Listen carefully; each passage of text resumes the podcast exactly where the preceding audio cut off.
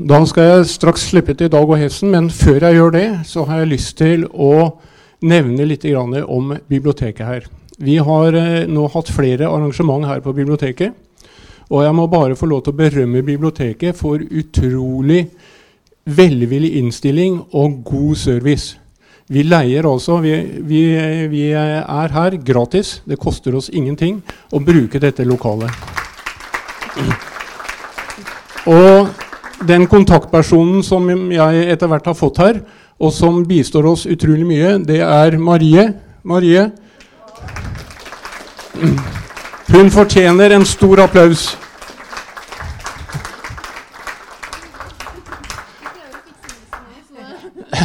Vi regner med at det kommer på plass etter hvert. Men eh, vi ser jo skjermen, så eh, vi setter i gang med, med foredraget.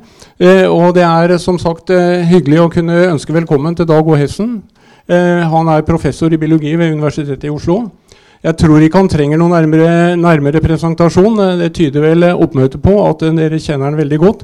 Og hvis han har behov for å si noe mer om seg sjøl, så regner jeg med at du kan gjøre det sjøl. Så Dag O. Hessen, vær så god.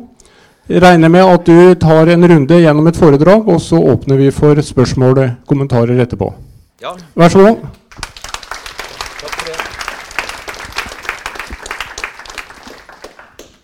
Ja, først og fremst eh, er det jo veldig hyggelig å være her da, og såpass stort oppmøte. Jeg skal ikke bruke av vår verdifulle tid på å fortelle mye om meg selv. Bortsett fra at i tillegg til å være professor ved Universitetet i Oslo, så har jeg jo hele mitt liv vært eh, miljøengasjert. Det var vel derfor jeg i sin tid valgte biologien, antagelig.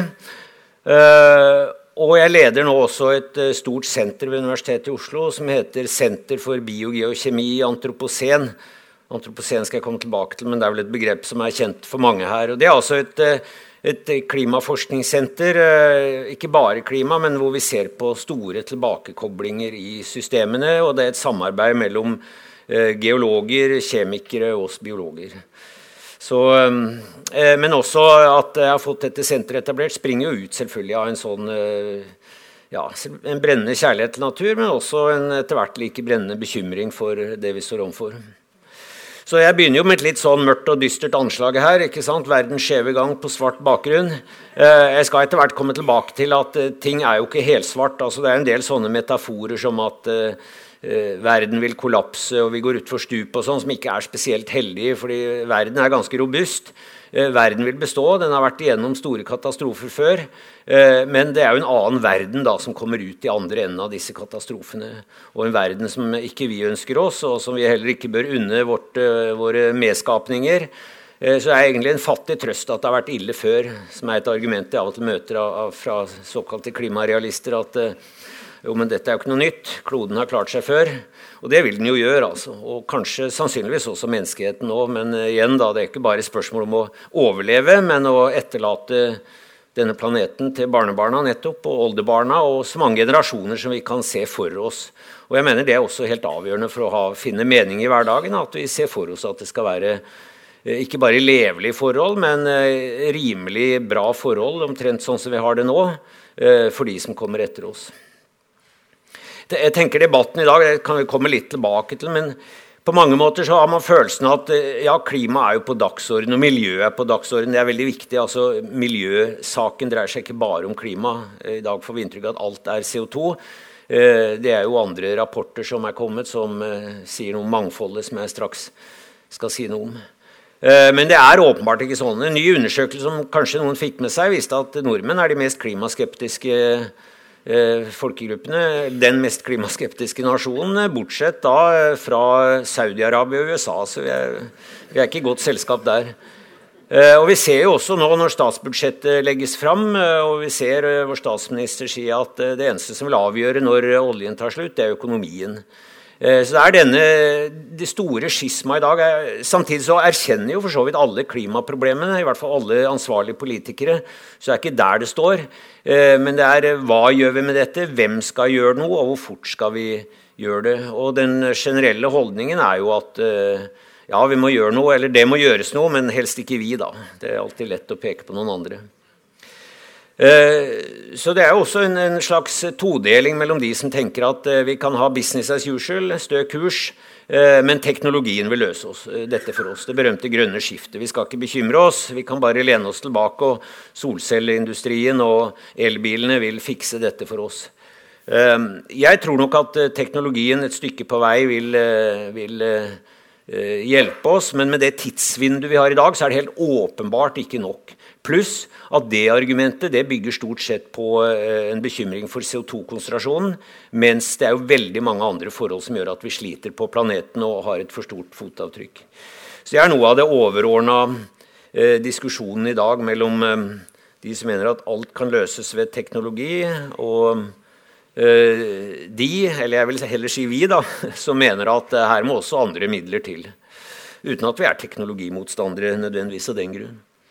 Eh, vi er jo på vei inn i antropocen, som sagt. Og antropocen er nå eh, langt på vei akseptert som en ny geologisk æra. Antropos, altså menneskets tidsalder. Men det er jo en herostratisk berømmelse å få denne tidsepoken oppkalt etter oss. Fordi eh, det, det er jo fordi vi har satt ferd med å sette et så ufattelig stort fotavtrykk på planeten. Altså For 100 år siden var det helt utenkelig at vi skulle kunne endre gassammensetningen i atmosfæren, og at vi skulle kunne bre oss så mye på denne planeten. Og Det er nok et slags mentalt eh, bilde vi har med oss fra hele vår forhistorie. At eh, den gang det var få mennesker og en endeløs natur, det var bare å ta for seg. Litt av denne mentaliteten rår oss nok fortsatt, selv om vi nå innser at vi er i ferd med å bli uendelig mange mennesker i en stadig krympende natur.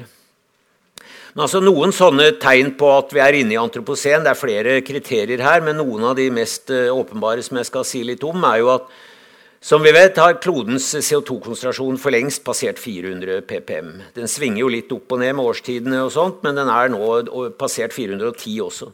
Første stasjon i verden for øvrig som målte 400 ppm, det var en norsk stasjon som ligger på Svalbard, på Zeppelinfjellet. Altså så langt fra utslippene som man kan tenke seg. Så dette er, dette er globalt.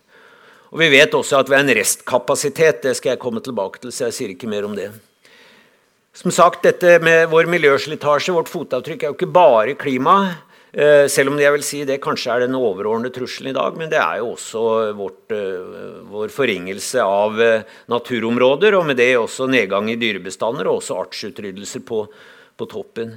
En stor metastudie som kom for noen år siden, og dette er nå også supplert da, med FN, FNs naturpanels eh, nye rapport. som eh, Selve rapporten er ikke kommet, men pressemeldingen kom jo i vår.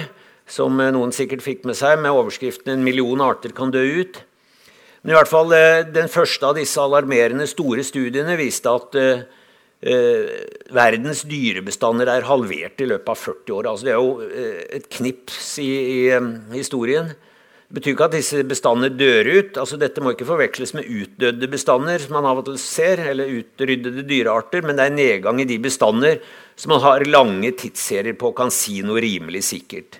Og Stort sett er dette eh, dyr fra fisk eh, og oppover. Altså fisk, amfibier, reptiler, fugler og pattedyr.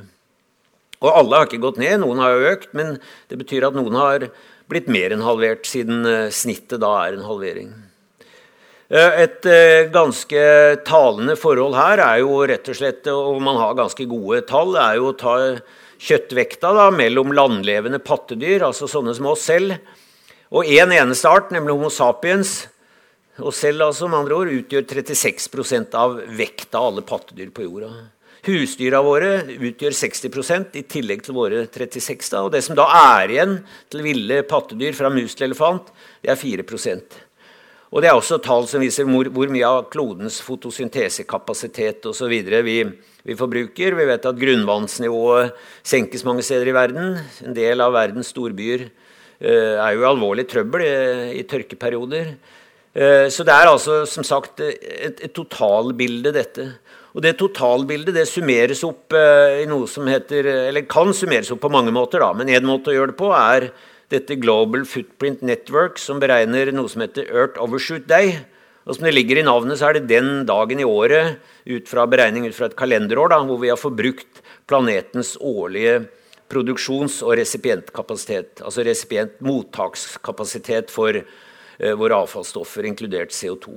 CO2 er ikke noe gift, vel å merke. CO2 er jo nyttig for plantene, som vi stadig blir minnet om av de som er skeptiske til om klimaet har noen eh, effekt. Men eh, problemet er at det blir for mye av det gode. Det er akkurat som med plast. Plast er jo et gode inntil et visst nivå.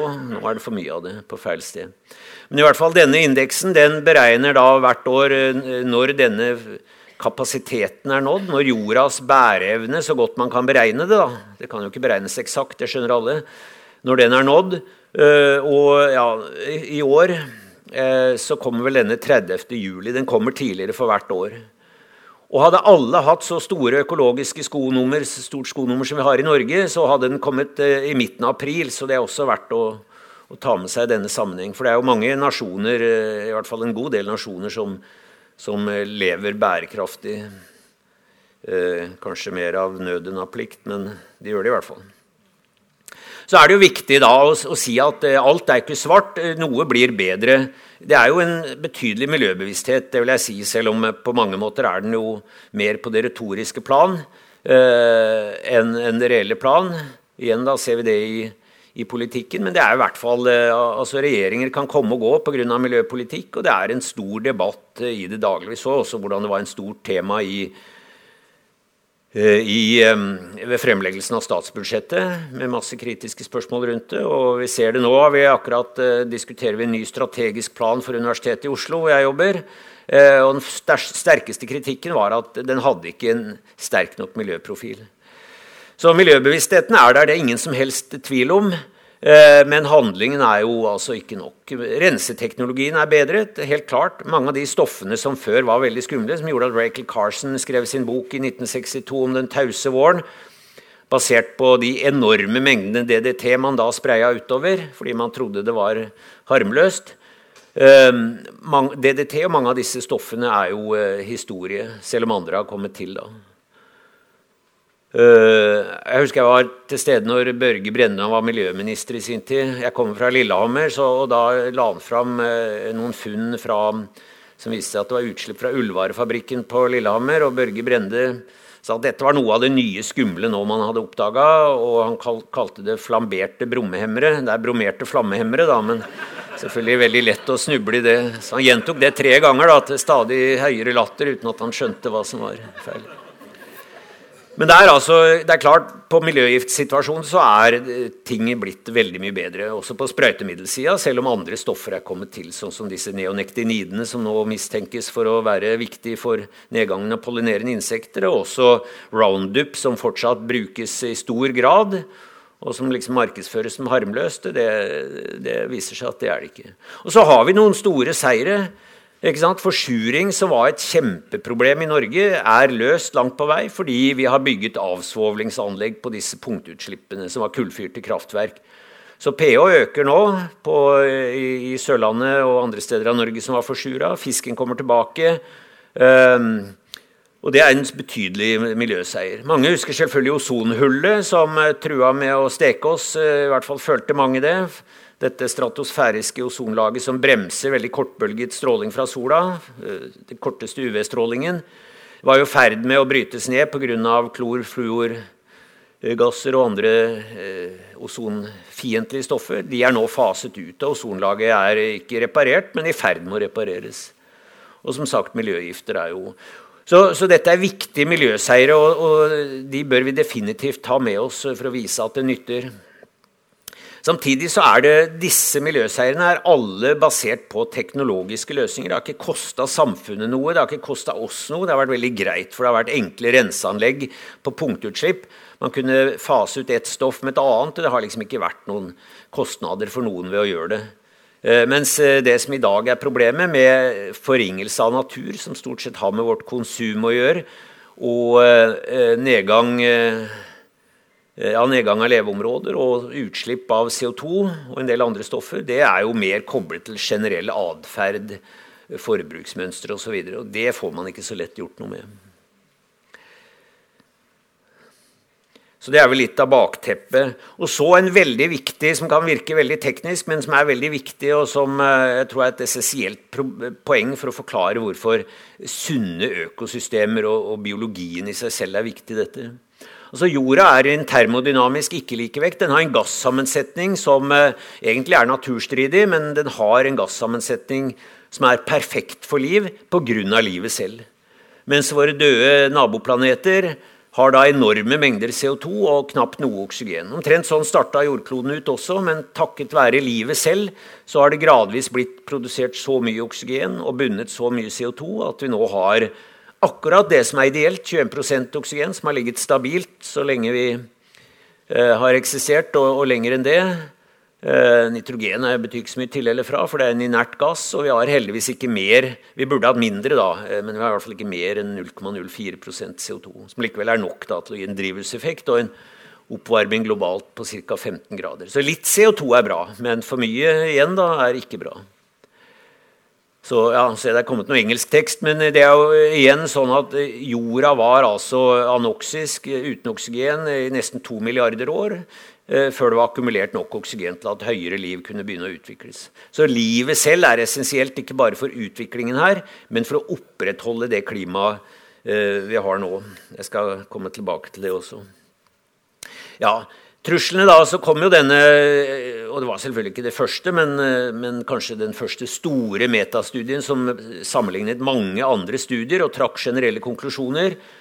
Eh, som hadde denne, det, dette generelle budskapet at det var en 40 nedgang, eh, nei, 50% nedgang i bestander på 40 år.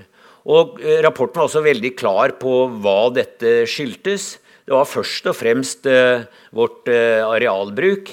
Dels forringelse av leveområder Selvfølgelig nedhugging av regnskog som har med areal, eller brenning av regnskog, drenering av myrer, asfaltering av verdifulle biotoper. Det er jo gjerne det mest fruktbare landet vi, vi tar i bruk, naturlig nok. Og det er selvfølgelig noen ekte dilemmaer her, for en voksende verdensbefolkning skal jo brødføs. Eh, men der er det også et spørsmål eh, hvordan skal den brødføs. Og jo lavere ned i næringskjeden vi spiser, eh, jo mindre fotavtrykk trengs.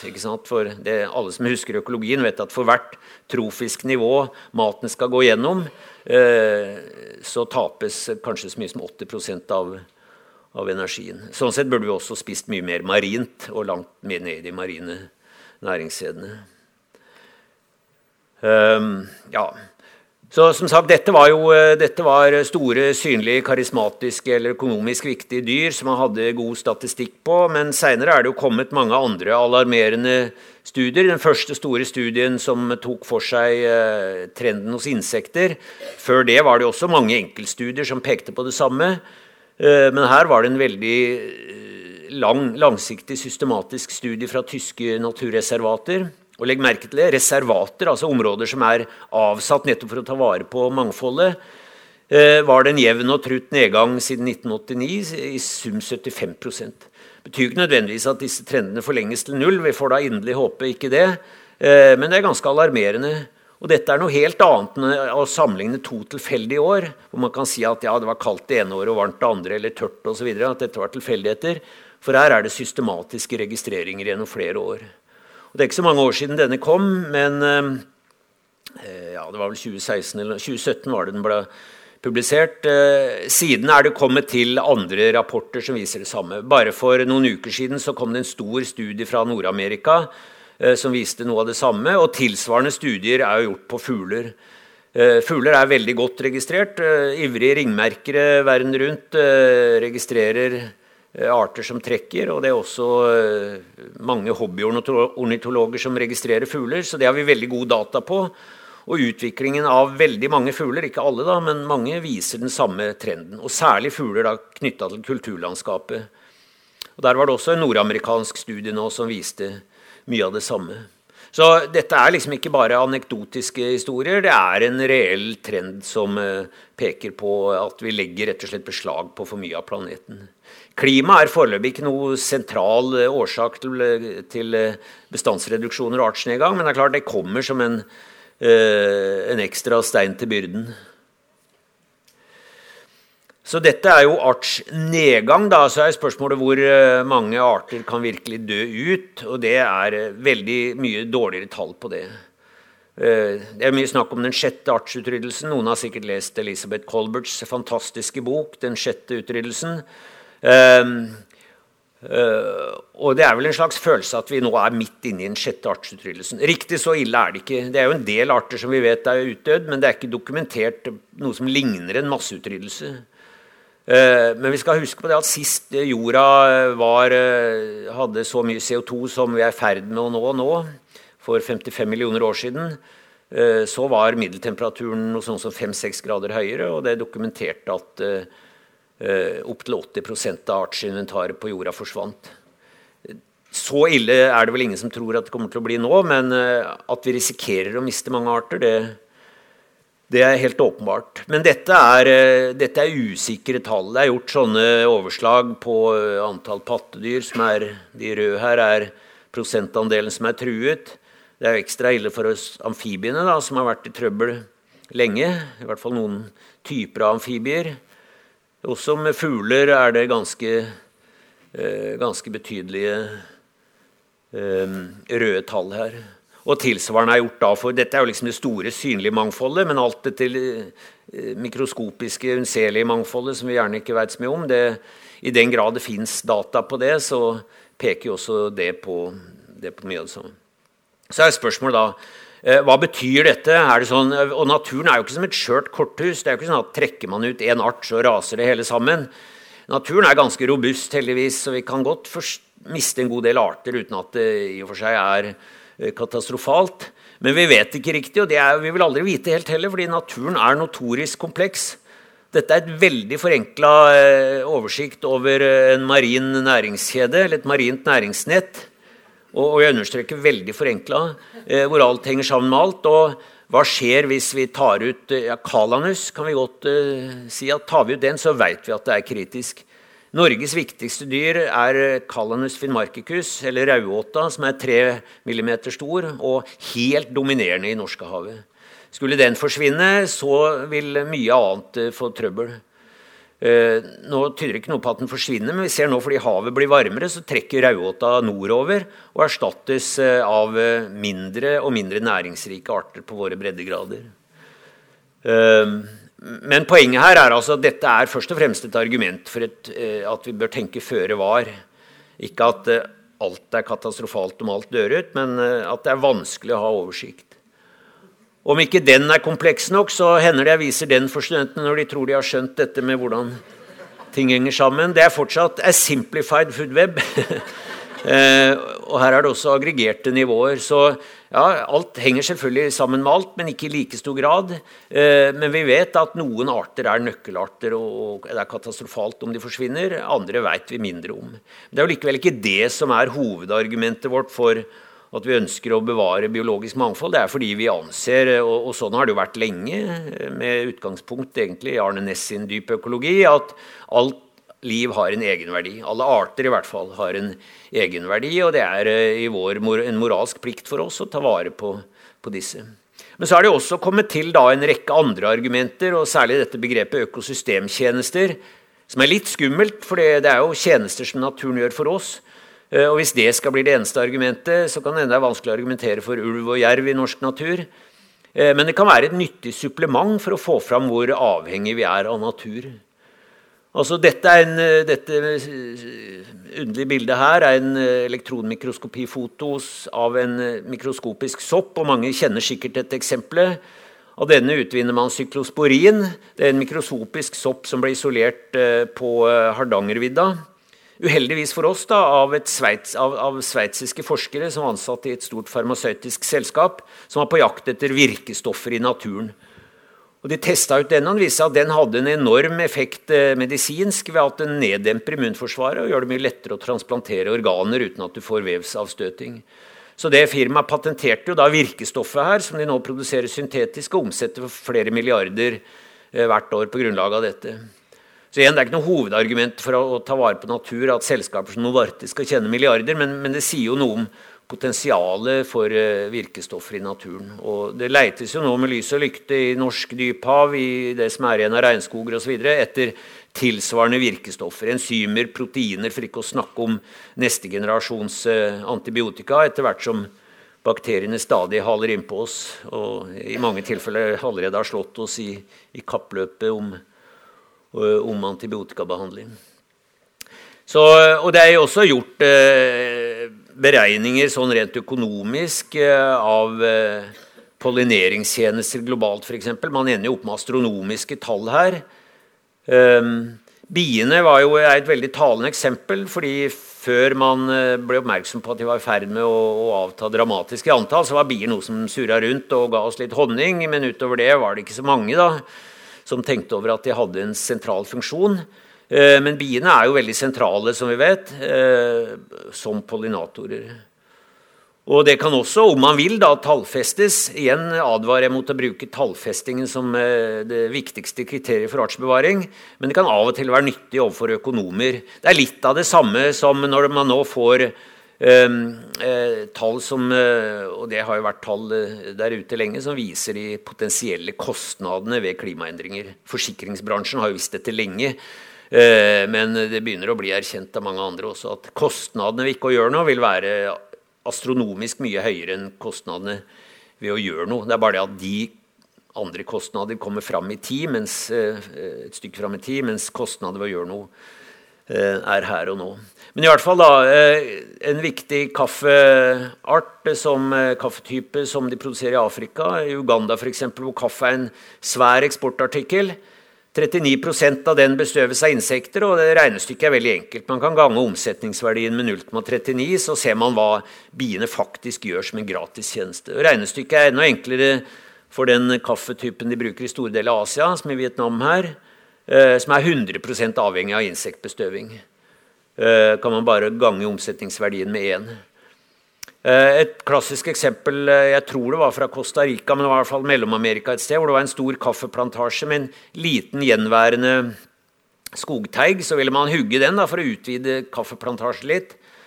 Eh, men før man gjorde det, så var det noen smarte biologer som sa la oss sjekke hva som er i denne vesle skogen, 100-meterskogen, før vi hogger den ned. Og Det viste seg at der var en koloni med villbier, og det var de som sto for hele bestøvningen av kaffeplantasjen. Det hadde ingen tenkt på. Så hadde man utvida plantasjen med noen mål, så hadde verdien av den blitt null. Eh, men altså det sentrale argumentet for artsbevaring er jo først og fremst eh, eh, ja, jeg vil si Det er to ting. Det ene er selvfølgelig hensyn til artene selv, og det andre er vår opplevelse av det. Men den skal ikke underslås. Den gleden vi har av intakt natur, også intakt nærnatur ikke minst, kan nesten ikke overvurderes. Så er det jo selvfølgelig sånn også at vi, vi, vet ikke hvor mange arter vi har. Vi vil aldri få vite det. Linné i sin tid på 1700-tallet kartla 26 500 arter. Jeg vil si ikke riktig så mange, men han anslo at uh, det totale artsantall på planeten var 26 500. Han var ganske sikker på at det var det tallet.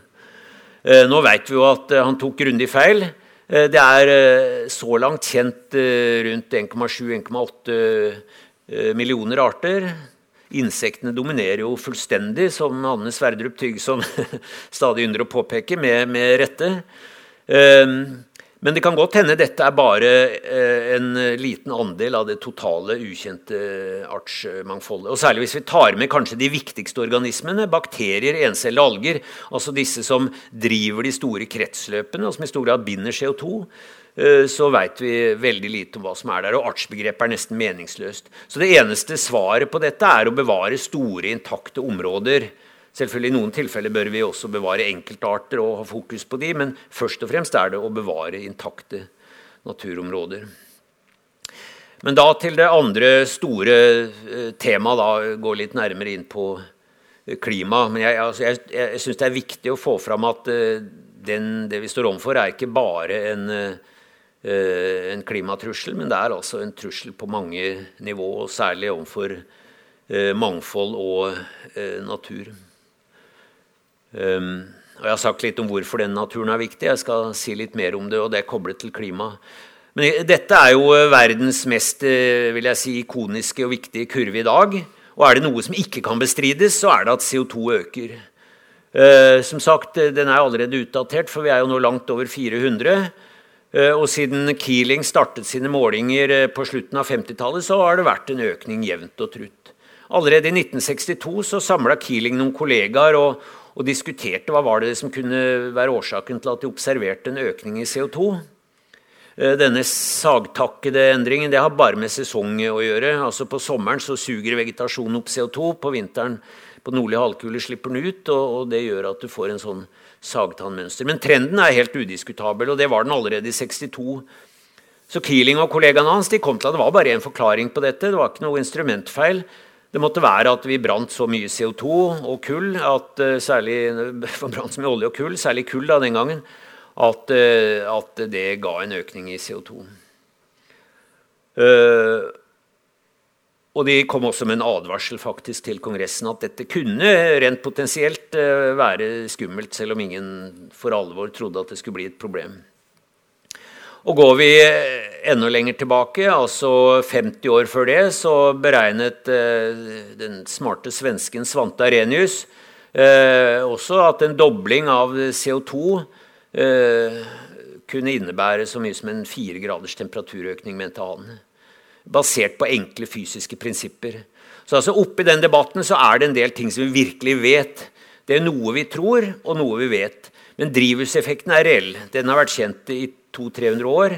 Uh, ja, I hvert fall 200 år. Uh, godt dokumentert. Dette er basal fysikk ved at visse gasser uh, absorberer da visse frekvenser av, av tilbakestrålt varme. At CO2 øker, er også en udiskutabel faktum. Og de to tingene alene er nok til at, at Arenius og andre kunne beregne med rimelig grad av treffsikkerhet hva som ville skje hvis hvis eh, CO2 økte så og så mye. De store usikkerhetene de ligger først og fremst i framskrivningene her.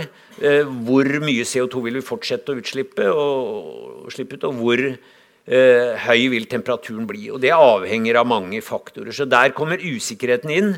Men at det er, at det er en økning i CO2, at den er menneskeskapt, og at det vil gi en oppvarming, det er, det er udiskutabelt. Og Vi vet også at der vi befinner oss nå, så har ikke planeten vært på i hvert fall 850 000 år. Antagelig mer enn en million år. Og Det er dokumentert gjennom gassmålinger i iskjerner i eh, Grønlandsisen og Antarktis. Og selv da med istider og mellomistider så har den ligget og svingt mellom 200 og 280 eh, ppm. Mens nå er vi i, på vei inn i terra incognito. Og eh, kanskje vil, vil det snu ved 550 ppm. Eh, det kan også krabbe opp mot 1000, men det er ekstremt lite sannsynlig. og Det får vi da for guds skyld håpe det ikke gjør. Men uansett er dette eh, et nivå som, eh, som planeten ikke har opplevd på mange millioner år. Og en annen ting, CO2-konsentrasjonen har vært mye høyere før, bare så det er sagt, i forhistorisk tid. Men det vi ser nå, er også at disse økningene skjer så ekstremt raskt. Alt som skjer nå, er på en tidsskala som som eh, i en geologisk sammenheng er som et uh, glimt.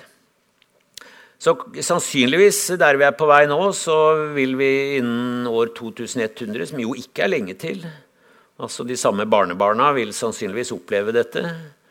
I hvert fall de yngste av de. Uh, og ja, hva det vil medføre, det er jo ingen gitt å si. Så der kommer usikkerheten inn. Men at det vil ha effekter, det er ganske sikkert. Ja, det er mye man kan si om klimaskepsis osv. Og, så og, og jeg tror det er sunt eh, med motforestillinger til en del av dette. Solaktivitet var jo lenge en populær hypotese. At vi har hatt klimaendringer tidligere pga. at jordbanen har en elliptisk eh, sirkel rundt sola. Mens nå er den veldig rund, det det, eller sirkulær. Det er det som gjør at vi har et stabilt klima nå. At vi har hatt katastrofer med meteorittnedslag Eh, enorme vulkanutbrudd osv. er jo helt åpenbart, så ingen benekter det. Solflekkaktivitet også viktig, og er nok i en viss grad medvirkende nå, men, eh, men, i en liten grad. Lenge var det en viss samvariasjon mellom solaktivitet og temperatur, men det, det har ikke vært til stede de siste 15-20 årene. Så jeg vil si at det er ingen reell grunn til å bestride at det i hovedsak er en menneskeskapt global oppvarming. Og Det er også viktig at dette er ikke bare CO2. Eh, vi har jo eh, to andre viktige drivhusgasser som er joker i dette. Og legg merke til at de har akkurat samme forløp som CO2. Det er metan, som eh, ligger jevnt og trutt, igjen basert på iskjerneboringer. Og dette er veldig lave konsentrasjoner av PPB, parts per billion, eller milliard, men det er likevel nok til å gi en dramatisk drivhuseffekt. og Denne peker også oppover. Metan har jo sånn størrelsesorden molekyl for molekyl 25 ganger så stor oppvarmingseffekt, men det har mye kortere levetid i atmosfæren. Så det er mye lettere å bli kvitt metan. Problemet med CO2 er jo at det vi slipper ut i dag, vil fortsette å være der i uh, har en halveringstid på 100 år, så det betyr at det vil fortsette å akkumuleres så lenge vi har så høye utslipp som nå. Og En tredje viktig drivhusgass er, er lystgass. Den man bruker i fødestuene for å dempe fødselssmerter, men det er ikke der kilden ligger. Ingen eh, skal føle seg skyldig av den grunn. Det er fordi vi har også grepet eh, i betydelig grad inn i nitrogenkretsløpet. Vi omsetter nå mer nitrogen gjennom forbrenningsprosesser eh, og gjødselindustri enn naturen selv fikserer av naturlig nitrogen. Det har i seg selv ikke noen oppvarmingseffekt, det er mer et globalt gjødslingseksperiment. Men et biprodukt av dette er lystgass. Så vi har satt mer nitrogen i omløp, og et biprodukt av dette er lystgass, N2O, som også er en veldig heftig eh, drivhusgass. Så metan og lystgass er sterkt underordnet CO2. Eh, men særlig da metan er jo noe man frykter skal begynne å røre på seg hvis permafrosten tiner osv. Så, mener jeg vi må av og til våge å stille det spørsmålet hvor ille kan det bli, eh, uten å bli beskyldt for å være dommedagsprofet. Jeg er jo ikke det. Jeg, jeg, jeg marginalt optimist på den måten at jeg mener at planeten vil klare seg, menneskeheten vil klare seg, men eh, jeg er ikke naiv optimist og tror at dette vil gå helt bra. Um, og så da kanskje den viktigste forklaringen på hvorfor biologien er viktig i dette. Jeg nærmer meg slutten her nå. men det er, eh, og Dette ser jo ekstremt komplekst ut, men jeg kan forklare det veldig greit. Og for mange er kanskje dette også øh, i hvert fall øh, prinsipielt kjent. Altså, Vi slipper jo ut De røde tallene her er det vi slipper ut. 9, nå er vi nær 10 gigatonn øh, karbon per år. Uh, under halvparten av det blir i atmosfæren, men det er likevel nok til at vi får denne stigningen som Keelings kurve viste. Men det som eh, holdt på å si mirakuløst nok, men gledelig nok skjer med den andre halvparten, det er at det tas hånd om av økosystemene. Så, og Det er også et argument man stundom møter, at jo, naturen selv slipper ut så uendelig med mer CO2 enn vi, så hvorfor bry oss med våre CO2-utslipp? Og eh, I og for seg er jo argumentet riktig, for CO2-utslipp fra naturen overstiger jo langt våre. Men eh, det mer enn balanseres av opptak og det er, eh, som er grunnen til at man har satt dette 1,5-grads- eller 2-gradersmålet, eller som ikke er noe mål, da, men en grense for hva vi maksimalt bør tillate oss, eller kan tillate oss av utslipp, det er eh, at ved disse temperaturene, sånn cirka det, Ingen kan si det helt sikkert, og det er ikke noe magisk ved to grader, men i hvert fall i det intervallet der så kan vi risikere at skogene tørker og tar opp mindre CO2. Vi vet at jorda vil tørke ut, myrene vil tørke ut. Det avgir mer eh, CO2. Eh, svære permafrostområder tiner opp og vil avgi CO2, og i verste fall også metan. Havet blir surere og varmere. Det reduserer kapasiteten for å ta opp CO2 og øker avgassingen av CO2. Så alle disse Eh, tilbakekoblingsmekanismene kan da bidra til at uh, istedenfor at disse tallene kommer til fradrag, så kommer de i tillegg. Uh, og da skjønner alle at vi er ille ute. Så det er disse selvforsterkende tilbakekoblingene vi jobber en god del med på, på dette senteret jeg snakka om. Og det er mange av de, men dette er kanskje noen av de viktigste. Det ene er jo den berømte albedo-effekten. Altså mindre is og snø gjør at mer varme absorberes på bakke og i hav.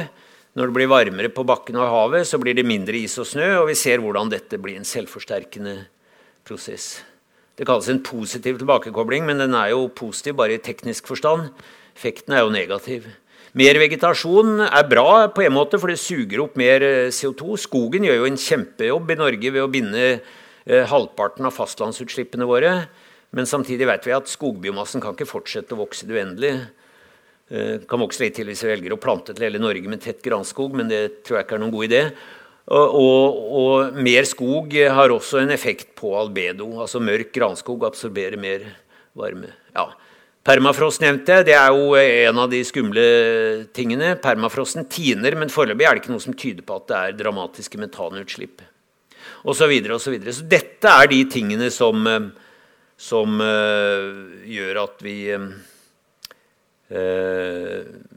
definitivt bør holde oss under to, selv om det dessverre, ser ut som det er om ikke umulig, så er det i hvert fall bortimot umulig. Og en halv er nok, må vi vel innse er umulig. Men det betyr jo ikke at verden går under to grader. Det er dette som er viktig. Altså det, er, det, er, tross alt mye bedre å kunne stabilisere verden ved to grader enn ved tre. Og tre er også bedre enn fire. Fire er selvfølgelig bedre enn fem, men da begynner vi å bevege oss inn i et territorium som ingen helt kan vite hvor hvor vil føre oss. Det er i hvert fall fasiten her, for å avslutte med den, den er altså så godt man kan beregne det Eh, at vi for å ha en 66 sjanse, da eh, Ikke ta det tallet for bokstavelig, men det er eh, det som kommer ut av en statistisk beregning. For å holde oss under to grader kan vi maksimalt slippe ut 2900 milliarder tonn CO2. Det er jo et avsindig stort tall. Men det blir ikke så stort, ut, stort, når vi vet at vi allerede, dette er totalkapasiteten. Og vi har jo allerede sluppet ut to tredjedeler av dette siden den industrielle barndommen. Så vi har en restkapasitet som jeg nevnte innledningsvis, på 800 gigatonn. Og med dagens utslipp så er vi ved 1,5-gradsmålet om eh, under ni år, som eh, Greta Thunberg ganske korrekt påpekte. Uh, og togradersmålet er Eller igjen, da, togradersgrensen når vi på ja, mindre enn 20 år.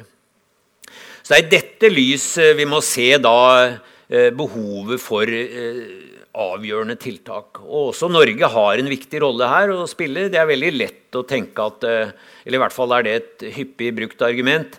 At ja, lille Norge betyr ikke så mye, men det er overhodet ikke riktig. For det første så har vi jo pådratt oss, kanskje litt ufortjent, et rykte som en ledende miljønasjon. Det har nok med Brundtland-kommisjonens rapport fra 87 å gjøre, som jo var veldig klar til å påpeke at en kursendring måtte til. Selv om da eh, kommisjonens leder eh, Hennes mantra her på hjemmebane var jo alltid 'stø kurs'. Så eh, igjen er denne dobbeltheten. Eh, og Norge er jo, eh, som vi alle vet, en betydelig oljeeksportør og syns ikke å vise noen vilje til å la oljen ligge. Eh, og I tillegg så er vi en finansiell stormakt. Vi har verdens suverent største statlige fond, tjent på olje. Eh, og det er en veldig motstand mot å bruke dette fondet politisk. Altså Jeg satt i Oljefondets etikkråd og argumenterte i alle år for at vi i hvert fall burde trekke fondet ut av kull. Uh, og Det var en så langdryg prosess. og Når Finansdepartementet omsider gikk med på motvillig å, trekke må jeg få si da, trekke uh, oljefondet ut av kull, Eh, så var det med begrunnelsen at det var en økonomisk risiko. Man ville for ikke noen pris si at det var miljømessig hensyn som lå bak. og Det var det nok ikke heller. Men, eh, men, det som skjedde da, når oljefondet trakk seg ut, var at veldig mange andre investorer fulgte etter. Så det hadde en, eh, en signaleffekt, fordi oljefondet er veldig stort og, og selvfølgelig ansett for å være en seriøs aktør.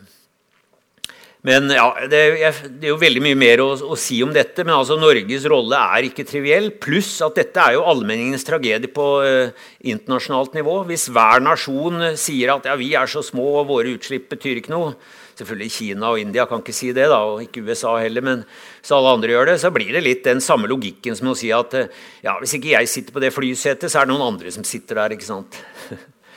og jeg mener også derfor det er veldig viktig at ja, Politikerne må selvfølgelig være førende i dette og sette noen rammebetingelser. Det er helt åpenbart. Samtidig kan ikke de være i utakt med velgerne. Det skjønner vi også. Det ser vi jo med en gang. Eh, så dukker det opp eh, opportunistpartier som eh, utnytter det hvis politikerne blir for eh, miljøradikale. Så det er også viktig å ha en bevisst velgermasse da, som eh, gir tillit til de eh, grønne politikerne og, og gir de et mandat. Og de som vil, er det tredje elementet, er næringslivet. De vil følge veldig raskt med på kjøpet. For de gjør jo det som markedet etterspør. Så hvis markedet etterspør grønne produkter, eh, så vil de respondere på det. Det gjør de jo allerede. Men det er viktig at individet har altså et ansvar. Det mener jeg er helt avgjørende, både, både som demokratiske borgere og som konsumenter og forbrukere. De, det er oss flyene flyr for, og det er oss det brennes olje for, og det er oss fabrikkene produserer for. Så summen av alle utslipp er på en måte summen av enkeltindividers utslipp. Og da kan vi jo minne om at eh, eh verdens overskuddsdag, World Overshoot Day, ville kommet i midten av april da med med norske sko. Ja, Da stopper jeg der eh, med noen sånne moralske formaninger. Jeg kan igjen si at Hver gang man kommer med moralske formaninger, blir man lett beskyldt for å være moralist. Men det er veldig uheldig sammenblanding av eh, moral og moralisme. Det er også viktig å, å ha med seg. Ja, takk.